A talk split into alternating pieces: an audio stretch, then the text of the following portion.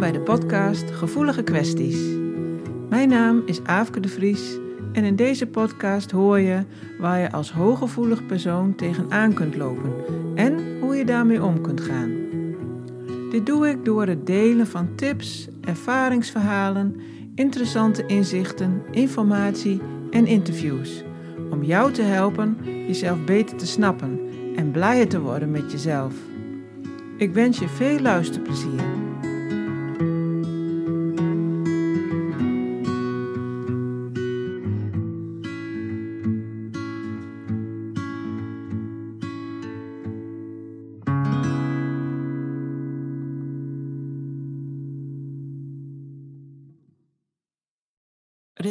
Interview ik mensen met verschillende beroepen en ik wil graag weten hoe ze in hun werk omgaan met hun hooggevoeligheid.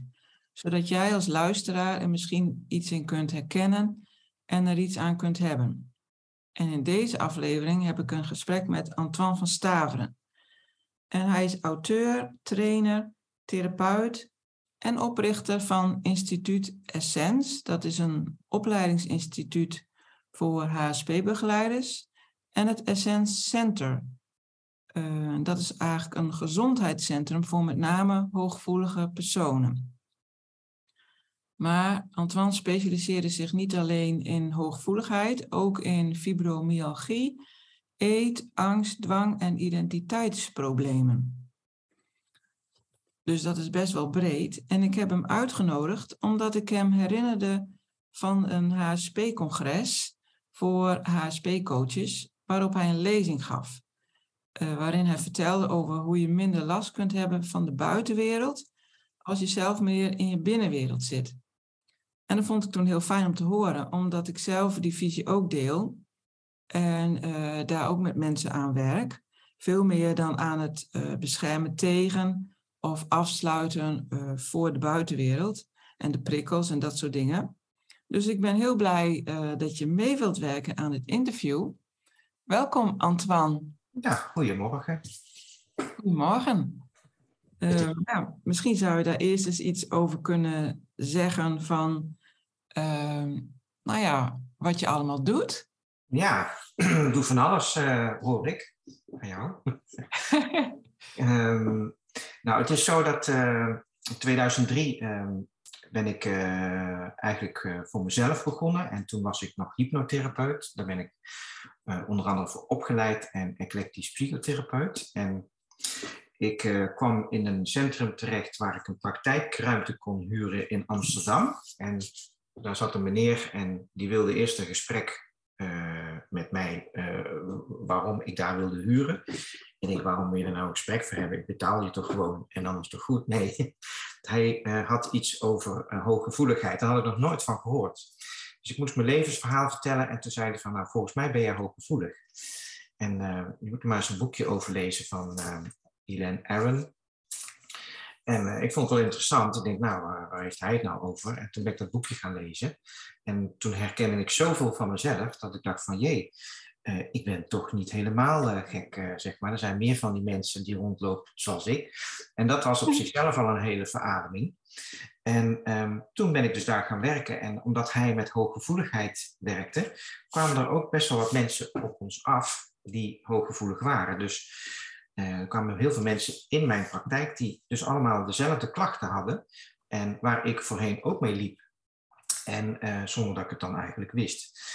En van daaruit uh, is het heel snel gegaan eigenlijk, want die meneer die ging op een gegeven moment weg. En toen kreeg ik de, de mogelijkheid om het over te nemen. En toen zijn we in Amsterdam het Essence Center begonnen. En waar we dus op een gegeven moment toch wel, nou, soms hadden we tussen de 15 en de 20 uh, therapeuten, psychologen, coaches en uh, mensen werken, die allemaal in dezelfde doelgroep zaten. Dus uh, oh, ja. mensen kwamen zelfs uit België voor behandelingen voor hooggevoeligheid en onder andere hooggevoeligheid van jong tot oud. En nou, dat heb ik jarenlang heel leuk gevonden. En op een gegeven moment werd het allemaal wat minder. Het, de, ik doe altijd alles omdat ik het leuk vind om te doen. En als ik iets niet meer leuk vind om te doen, dan, stop ik er gewoon mee. Maar ook al weet ik niet wat er daarna gaat komen. Want anders heb ik er geen plezier meer in. En ehm, op een gegeven moment toen lang verhaal kort, in 2021 uh, ben ik ermee gestopt omdat we een eigen pand hebben gekocht in Wervershoofd. En ik was al verhuisd uit Amsterdam naar Medemblik. Daar heb ik drieënhalf jaar gewoond en op en neer gereisd. Dat vond ik verschrikkelijk op een gegeven moment. Die files allemaal. En toen kwam uh, een nieuw pand voorbij waar je kunt wonen en werken. Zodat we daar ja, andere dingen zijn gaan doen. Dus het gezondheidscentrum, wat je net zei, het Essentcentrum, staat niet meer sinds juni 2021. Okay. En toen zijn we als instituut Essent wel verder gegaan. We geven dus individuele trainingen, zijn het eigenlijk. Is niet zozeer therapie, maar meer trainingen en uh, begeleiding. En voornamelijk ook voor professionals, waarin we dus workshops geven. Uh, dus bijscholingen, omscholingen, nascholingen. En ook voor mensen die uh, met hooggevoelige mensen willen gaan werken. dus die in hun praktijk al werken ermee en meer willen weten. En dat doen we met HSP-begeleider. En we hebben nu in het najaar ook de HSP Professional. En dat doen we dan met 13 praktijkdagen, waarin je heel praktisch leert om met hooggevoelige mensen te gaan werken in, in je praktijk. Ja, en dan gaan we nog het komende jaar gaan we ook meer doen voor de mensen in West-Friesland. Uh, meer uh, ja, die bijvoorbeeld ook met mediteren uh, in, in aanwerking zijn gekomen. Of daar meer over willen weten. Binnenwereld, buitenwereld methode willen ze dan misschien ook gaan doen. Dus we zijn er heel, ja, we zijn eerst gesetteld. Dat is een heel werk om alles te sluiten en opnieuw te openen. En dat gaat nou heel erg goed. En dan gaan we van daaruit weer verder bouwen. Dus zo is het een beetje ontstaan. Dus is het dan, kunnen mensen die um, geen professional zijn, maar wel hooggevoelig, kunnen die dan nog steeds bij jullie terecht? Of is dat dan uh, nu eigenlijk verspreid over je netwerk? Nee, het is zo dat de mensen die, uh, die bij mij, bij ons, bij mij terecht willen, hè, als ze bijvoorbeeld lasten hebben voor hooggevoeligheid of je hebt uh, eetproblemen. Overigens, ik heb nog nooit iemand met een eetprobleem ontmoet die niet hooggevoelig was. Ja, daar was ik nog benieuwd naar, ja, of je daar een verband in ziet. Ja. Misschien bestaan ze wel hoor, maar uh, ja, misschien bestaan er ook wel roze zwanen. Ik heb ze alleen nog nooit gezien. Maar dat, uh, uh, dat praktijkstuk, dat bestaat zeer zeker ook nog. Alleen dat doe ik dus zelf en dat doen we niet meer met alle collega's. Dus dat gezondheidscentrum dat je met 10, 15 of eh, mensen dan werkt samen, dat, dat is gestopt. Oh, oké, ja. Maar ik zelf doe het nog wel natuurlijk. En mensen kunnen bij mij gewoon terecht uh, voor individuele begeleidingen. Ja. Ja, dus, uh, en mensen kunnen hier ook nog, we hebben een guesthouse, een zen guesthouse. Kunnen mensen ook nog blijven slapen. Dus we hebben wel eens cliënten die van ver komen of cursisten. En uh, dan kun je hier in alle rust gewoon overnachten als je dat zou willen. Dus we hebben van allerlei faciliteiten eigenlijk hierbij. Dat is wel heel prettig hoor. Dus ik hoef nou eigenlijk alleen maar de trap af te lopen en ik ben op mijn werk. Zo, luxe. Dat is beter hè? Ja. Ik zie bij jou ook een trap trouwens. Is dat ook bij jou zo? Ja, nee, ja, dat is zo ja. Maar ik heb een praktijk aan huis inderdaad. Oh, ja. Maar uh, ik denk niet zo uitgebreid als dat jij het hebt. Maar uh, maar even over dat, uh, jij zei van ik ken eigenlijk niemand met een eetstoornis die uh, niet hooggevoelig is. En heb je dat, kom je da, zie, zie, je daar nog meer verbanden in? Ook met dat, uh, met angst en dwang en, en um, misschien zelfs ook wel met fibromyalgie, dat weet ik niet. Ja.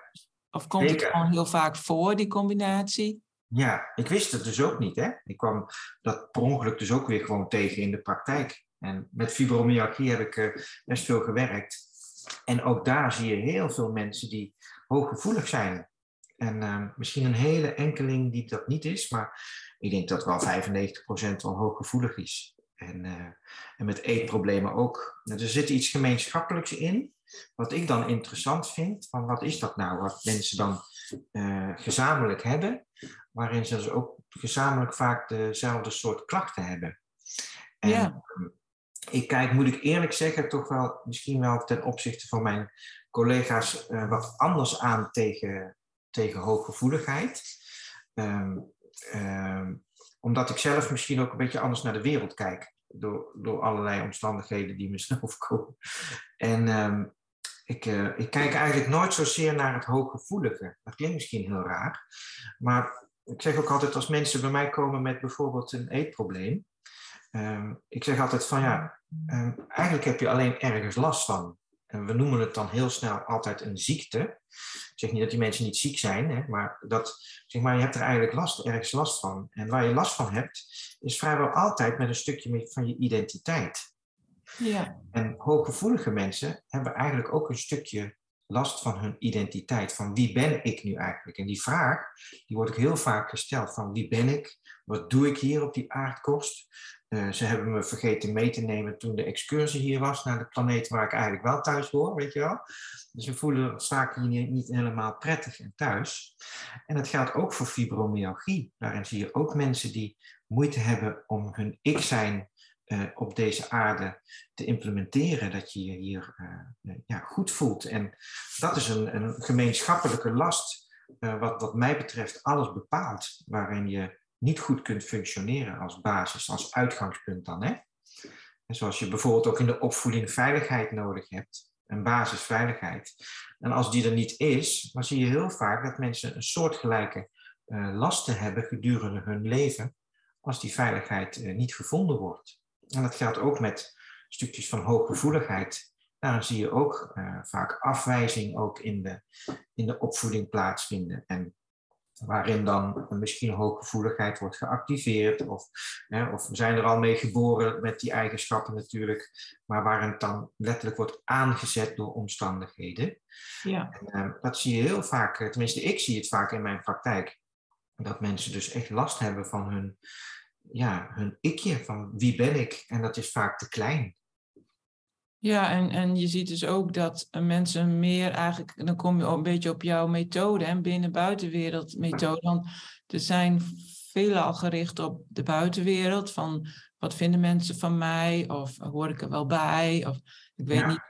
Ik heb die ervaring natuurlijk niet zoals jij met fibromyalgie, eh, de, mensen met die problemen, nee. maar wel met de hooggevoeligheid. En ook uh, mensen met burn-out en angst, uh, ja, daar gaat toch heel snel over uh, aanpassen aan en op de buitenwereld gericht. Ja. En um, ja, waarschijnlijk probeer jij net als ik de mensen veel meer te begeleiden naar, naar binnen toe. Zeker. Hoe je bij jezelf komt en hoe je daar de rust en ja, de, de tevredenheid met jezelf ja. of zelfliefde weer terug kan vinden.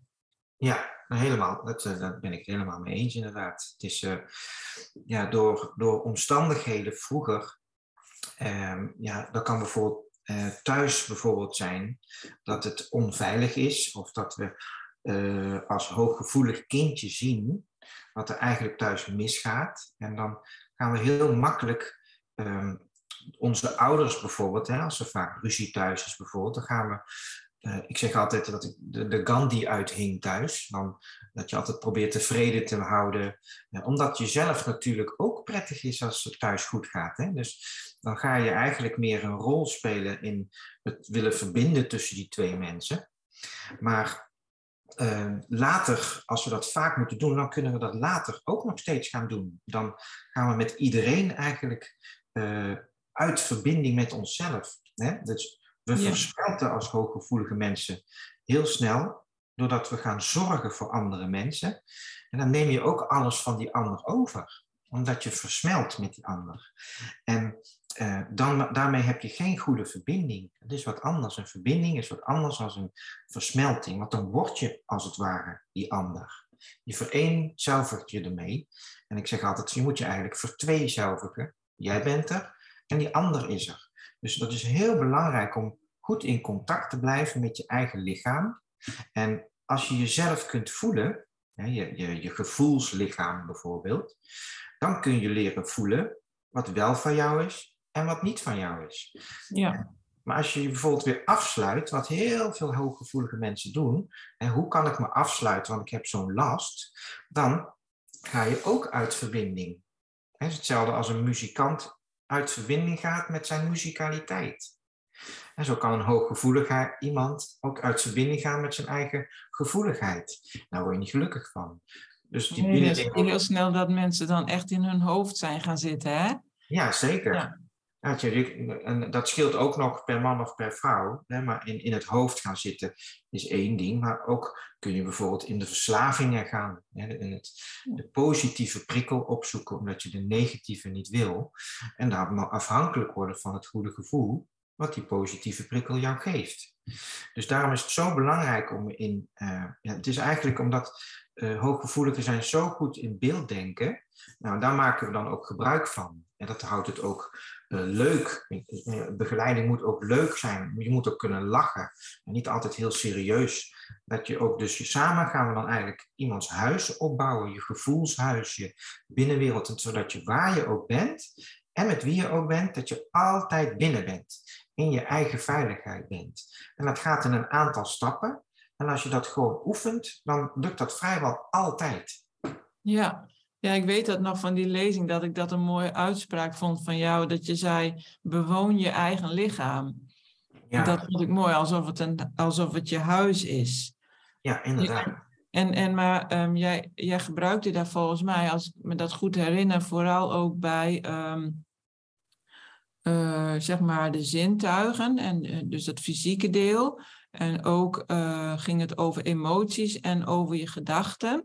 Ja. Maar um, ben je ook bezig met het energetische deel? Want ik denk dat daar, uh, dat, dat soms best wel moeilijk is. Omdat um, ik kan me goed voorstellen dat ik hè, dus in mijn lichaam kan zijn met mijn aandacht. En ook die begrenzing voel, dit is mijn lichaam. En ook van, oh ja, mijn emoties, dat is natuurlijk al wel vager. En gedachten ook. Maar energetisch, um, uh, ja, je, je bent van energie natuurlijk en um, energie kan zomaar um, zich vermengen met jouw energie, bij wijze van spreken. Hè? Ja. Dus, en je kan, uh, je kan ook een energie voelen in een ruimte of van, uh, op een bepaalde plek. Of, en dat is natuurlijk moeilijker ja. om te gaan. Of, hoe, hoe, ga, hoe, hoe ga jij daarmee om of wat, wat leer je mensen daarover? Want daar zijn heel veel mensen mee bezig. Ja, ik voel de energie zo van. Ah, en hoe hou ik dat nou, of hoe krijg ik dat weer weg? Of nou ja, dat soort dingen. Ja, nou precies dat laatste waar wat je nu zegt, het willen wegkrijgen, is ook het probleem. Ja. ja. Want je bent een gevoelsmens en dat je dan dingen voelt die fijn zijn, is oké.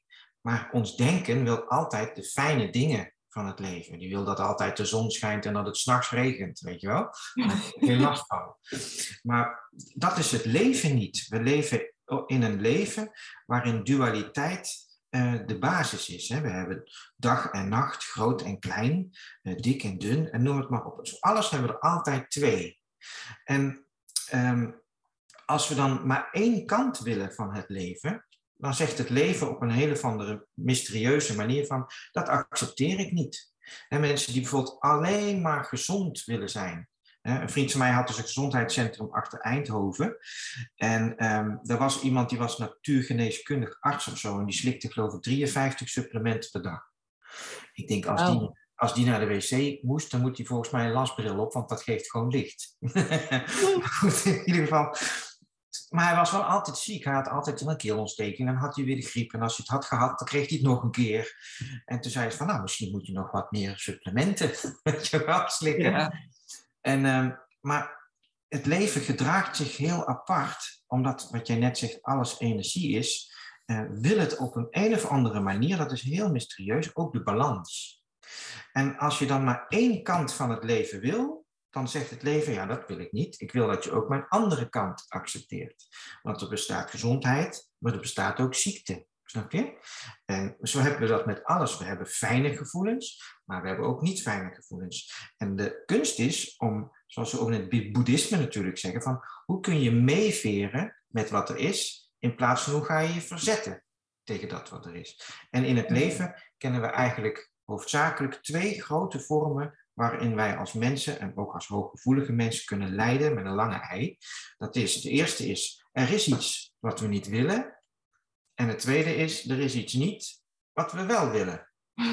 Ja. Dus je gaat je verzetten tegen dat wat er is. Nou, daarom fietsen mensen altijd helemaal met hun ogen dicht en voorovergekrompen op de fiets als het regent. Maar je wordt even nat. Je kunt net zo goed rechtop blijven fietsen. Dat maakt, voor, maakt er niet uit, je wordt gewoon nat. En hoe ga je nou om met vervelende gevoelens? Nou, Ja. dan kom ik weer terug op het stukje wat ik daar straks zei. Bijvoorbeeld, als je ik te klein is, zou je dan, dan zou je, dus ook energetisch ben je dus eigenlijk te klein. Mhm. En wat dan eh, gebeurt, zou je kunnen vergelijken met de dampkring van de aarde. Hè, onze dampkring die heeft nog wel een fatsoenlijke dikke eh, eh, dampkring, zeg maar. En als er dan een meteoriet in komt, dan verbrandt die in de dampkring en dat noemen wij dan een vallende ster. En dan vallen er altijd natuurlijk wel kleine steentjes nog op de aardkorst, maar de hele grote, die zorgen niet voor een krater. Stel dat je nou een hele dunne dampkring hebt en zo'n meteoriet die komt eraan, dan slaat er gelijk wel een grote krater.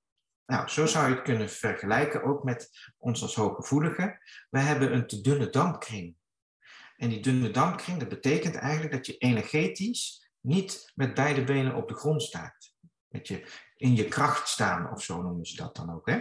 En wat je dan kan doen, het enige wat je kan doen is aandacht geven. Want alles wat je aandacht geeft, groeit. En dat of de leuke dingen, maar ook de niet leuke dingen. Als je altijd bezig bent met aandacht geven op een angstgedachte, dan krijg je vanzelf meer angstgedachten. En als je je aandacht richt op het er zijn, op bewust er zijn, wat ik zeg, dan wordt eh, de dampkring van het zijn wordt groter. En dan ontstaat je eigen energetische ruimte. En als er dan iemand is in de ruimte die niet lekker in zijn vel zit, of hij is zagrijnig, dan voel je dat nog steeds, maar het slaat dan niet meer een krater. En dan Ja. kun je beter omgaan met de lasten eh, die, je- die dan in de omgeving zijn. Maar je gaat je er ook niet tegen verzetten. Sterker nog, omdat je hooggevoelig bent, voel je altijd die mensen die zelf moeite hebben met het verwerken van emoties.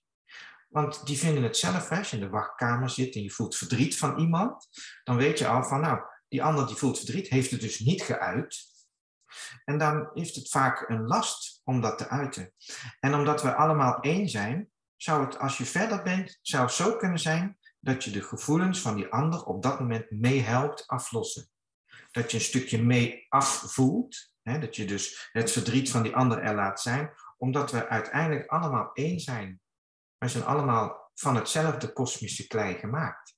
Er is geen jij en ik, er is gewoon een eenheid. En dan, dan is die liefde daar, zodat je die ander helpt afvoelen door jouw eigen aanwezigheid. En dat is dan de omkering uiteindelijk. Dus eerst verzetten en dan aanvaarden en in liefde er zijn voor je medemens. Dat is denk ik wat de bedoeling is.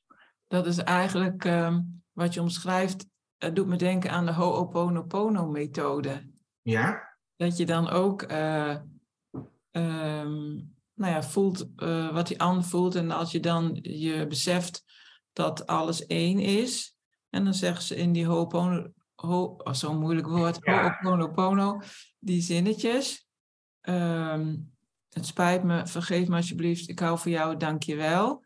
En daarmee eh, neutraliseren, je zegt het eigenlijk tegen jezelf, maar je weet dat het effect heeft op de ander, omdat alles met elkaar verbonden is. Juist, ja. Nou, dat is wel een vergelijkenis, denk ik. Ja. Ja. Ja, mooi. En ehm, ik zie het ook wel eens als, ehm, ja, als het bijvoorbeeld heel koud is eh, om je heen. Het is- je bent eh, bijvoorbeeld in de vrieskou, maar jij bent eh, van binnen een kacheltje.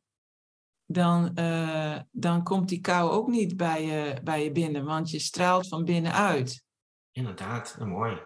Ja, Ik noem het wel eens een gloeilampje, weet je, dat je je eigen licht gaat schijnen.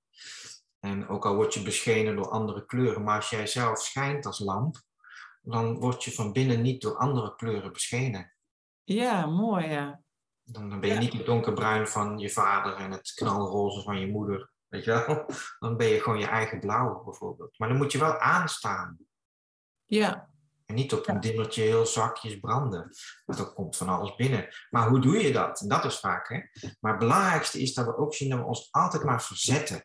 En ik noem het ook wel eens een bonuslijden. Weet je, die krijg je gewoon gratis. Dat is een extra lijden. Vroeger had je de CD, heb je, gewoon- dat is gewoon een bonus track. Het zijn vaak hele lelijke liedjes. En het is hetzelfde ook met, met dit soort lijden van er is iets wat we niet willen. En dan gaan we ons ook nog tegen verzetten. Dat is extra lijden. ja, Maar hoe ga je ermee om? En dat is denk ik heel belangrijk om dat te leren. Om ja te gaan zeggen tegen dat wat er is. Want als je nee zegt, is het er ook. Ja, klopt. En ook hoe leer je van binnenuit uh, te stralen, zeg maar. Dat is ook de training. Ja, maar dan moet je er wel eerst zijn. Ja. ja ik zeg ook als je in je eigen binnenwereld bent, zeg ik altijd van ja, dan is het eigenlijk hetzelfde als je thuis bent in je eigen huis. Dan is het licht aan, hè, je zit aan de tafel, dan ben je ook niet zo inbraakgevoelig. Hè? Een inbreker zal niet zo snel bij jou de televisie van de muur afschroeven als je thuis bent, want er brandt licht. Maar als je niet thuis bent en de voordeur staat ook nog open, dan is het licht uit. Daarom noemen ze het ook een black out. Je moet eigenlijk een white in hebben. En dan, dan, dan kunnen ze zo bij je binnenlopen en dan ben je weer een stukje van jezelf kwijt. Dan moet je weer twee dagen alles schoonmaken om weer een beetje op krachten te komen. Dus altijd binnen blijven, zoveel als het kan. Maar hoe je dat doet, dat is een, ja, toch een proces. Ja. Dat kun je, kun je allemaal leren. Dat is echt, je hebt echt geen medicijnen voor nodig. Ja, dat kan altijd nog, maar in basis is dat niet nodig. Dat heb ik al twintig jaar, dat ik dit doe, ik heb nog nooit meegemaakt dat dat dan nodig was. Precies. Ja, en dat heeft dan net zo goed of het nou gaat over hooggevoeligheid, maar ik denk dat het net zoveel effect heeft op, op die andere problemen en waar jij mee werkt, met angst of dwang of uh, nou ja, al die uh, fibromyalgie en eetproblematiek, dat soort dingen. Dat, er gaat, dat heeft daar net zoveel effect op. Ik heb heel lang in de GGZ gewerkt en daar probeerde ik daar ook mee te werken. Ja. En um, ja, dat heeft heel veel effect. En ja, medicijnen uh, um, hebben eigenlijk een heel ander effect dan, ik vind zelfs soms wel tegenovergestelde, want de, jij verdwijnt eigenlijk.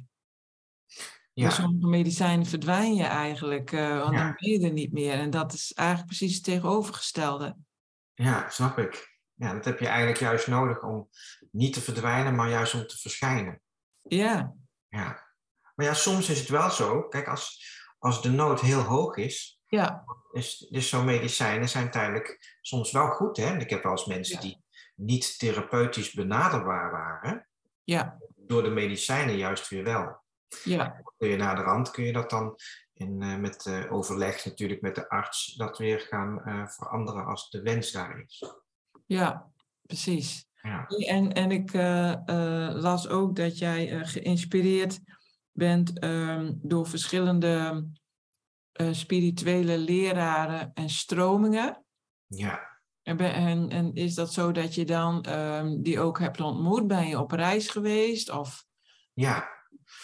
Ja, ik heb uh, eigenlijk van vroeg af aan altijd al, als kindje was ik altijd al bezig van uh, wie ben ik nou eigenlijk? En ik was gefascineerd altijd door de dood.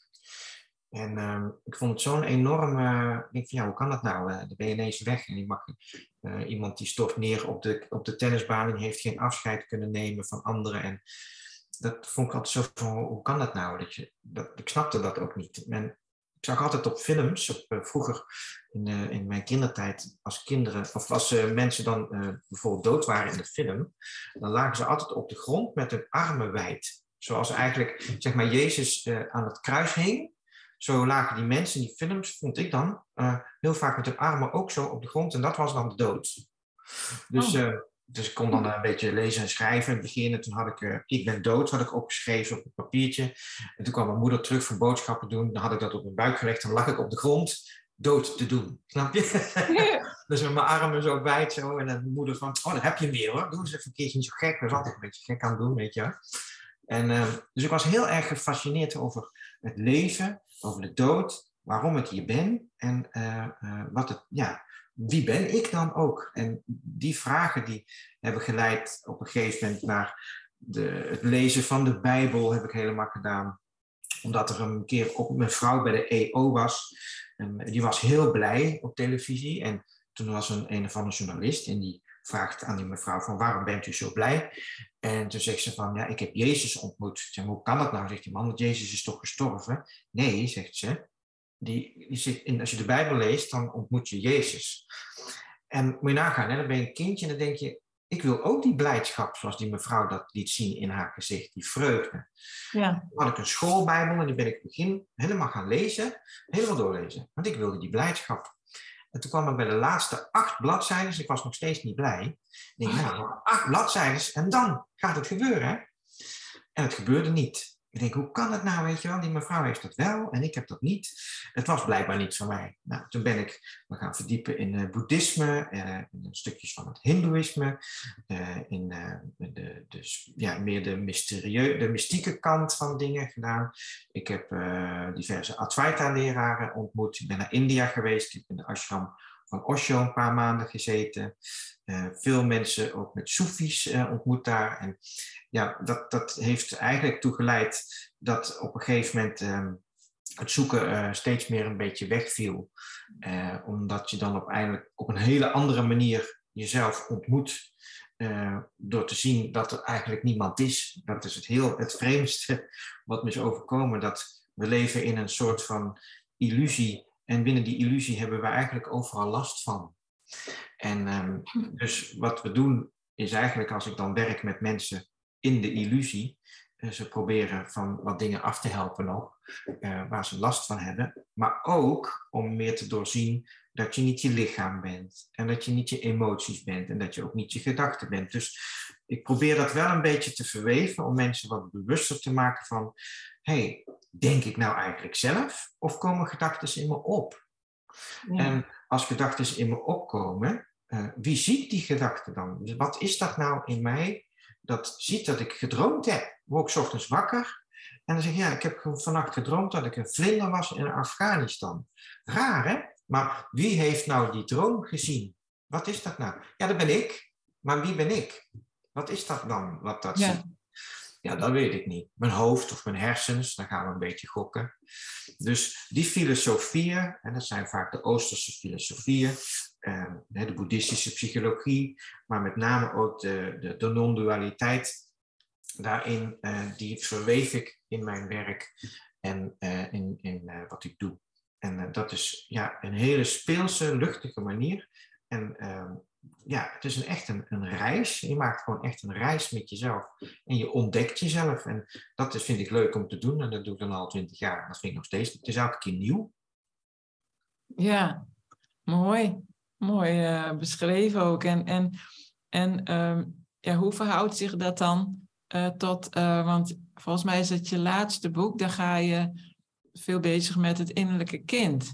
Ja. Dat is eigenlijk, um, ja, dan ga je weer heel erg naar binnen. Ook, hè? Dus, ja. en, en dat is dan, of zie je dat meer als een, um, want je zegt van ja, eigenlijk bestaat er niemand. Hè? Dus eigenlijk zijn we natuurlijk allemaal een soort ja, energie of bewustzijn of wat het ook maar is. Ja. En niet zozeer het persoonlijke, maar als je, als je teruggaat naar het innerlijke kind, is dat toch wel weer een heel persoonlijk stukje. Zeker. Kijk, er zijn een soort van, zo lijkt het dan, een soort van fases. Als we geboren worden, er is nog nooit iemand geboren met een ik. Er is ook nog nooit een boeddhist geboren of een, uh, uh, een moslim of een christen.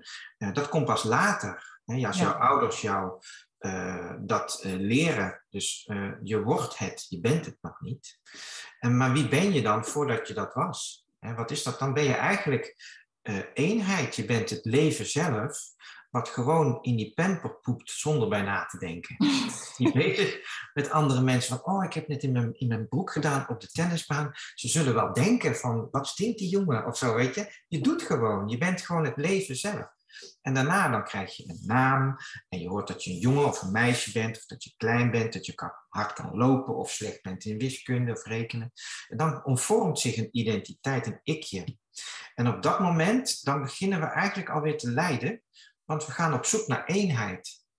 Dat, dat doen we allemaal als we goed kijken, hè, of je nou Poetin heet, of uh, Mark Rutte heet, of uh, André van Duin, weet ik van wat. We zijn allemaal op zoek naar liefde. We zijn allemaal op zoek naar eenheid. Ja. ja. en dat, de, de, manier waarop dat we dat doen, die is zo variabel. Ja, dat kan van drugsgebruik tot oorlogvoering zijn om maar eenheid en te ervaren. Of het gevoel van ik ben er of ik mag er zijn. Het feit dat je er bent is al een feit dat je er mag zijn, want anders was je er niet geweest. Nou, en dan verbinden we ons daarna, als dat ikje er is, vaak aan een groep de groepsidentiteit, bijvoorbeeld ja. de kerk, of Ajaxide, of Feyenoord, of uh, Hells Angels. maar het kan ook zijn dat je bij de spirituele groep bent, of de gezinsgroep. en dan ben je de groep. Dus dan ben je eigenlijk nog niet een identiteit, nee, je bent de groep. de, dat is dan de collectieve uh, mind. En daarna komt de individuele. Als het, dat is een ontwikkeling. Hè? De meeste worden niet eens een individu, die blijven gewoon bij de groep. En dan word je een ikje, dat vindt de groep helemaal niet leuk. Dan ga je dus als het ware uit de groep, je wordt veroordeeld. En uh, dan word je zelfstandig, je gaat twijfelen, je gaat zeg maar fouten maken.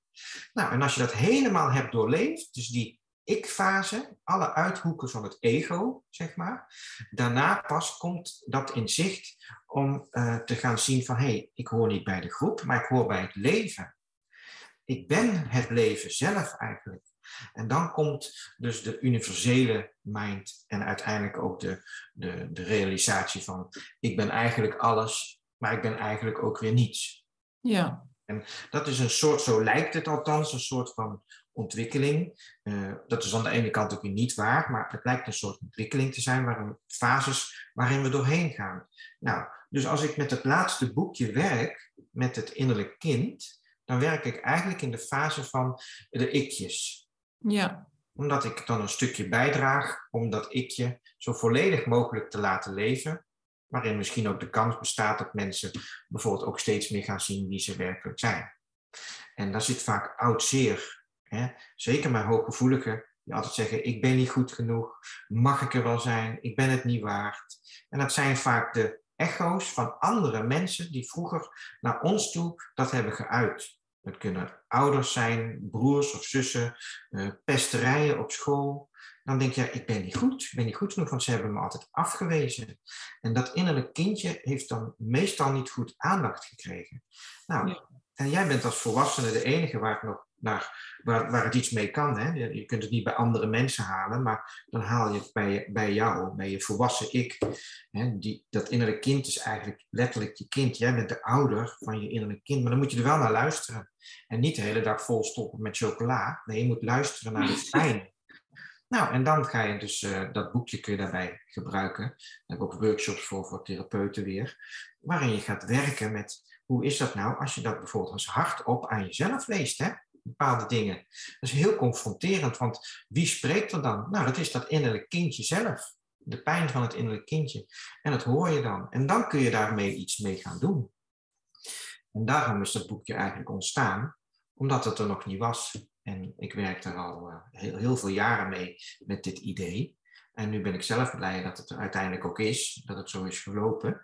En dat ook andere mensen in hun praktijk daar weer baat bij hebben. Om, uh, ja, om pijn te bevrijden in plaats van pijn te bestrijden.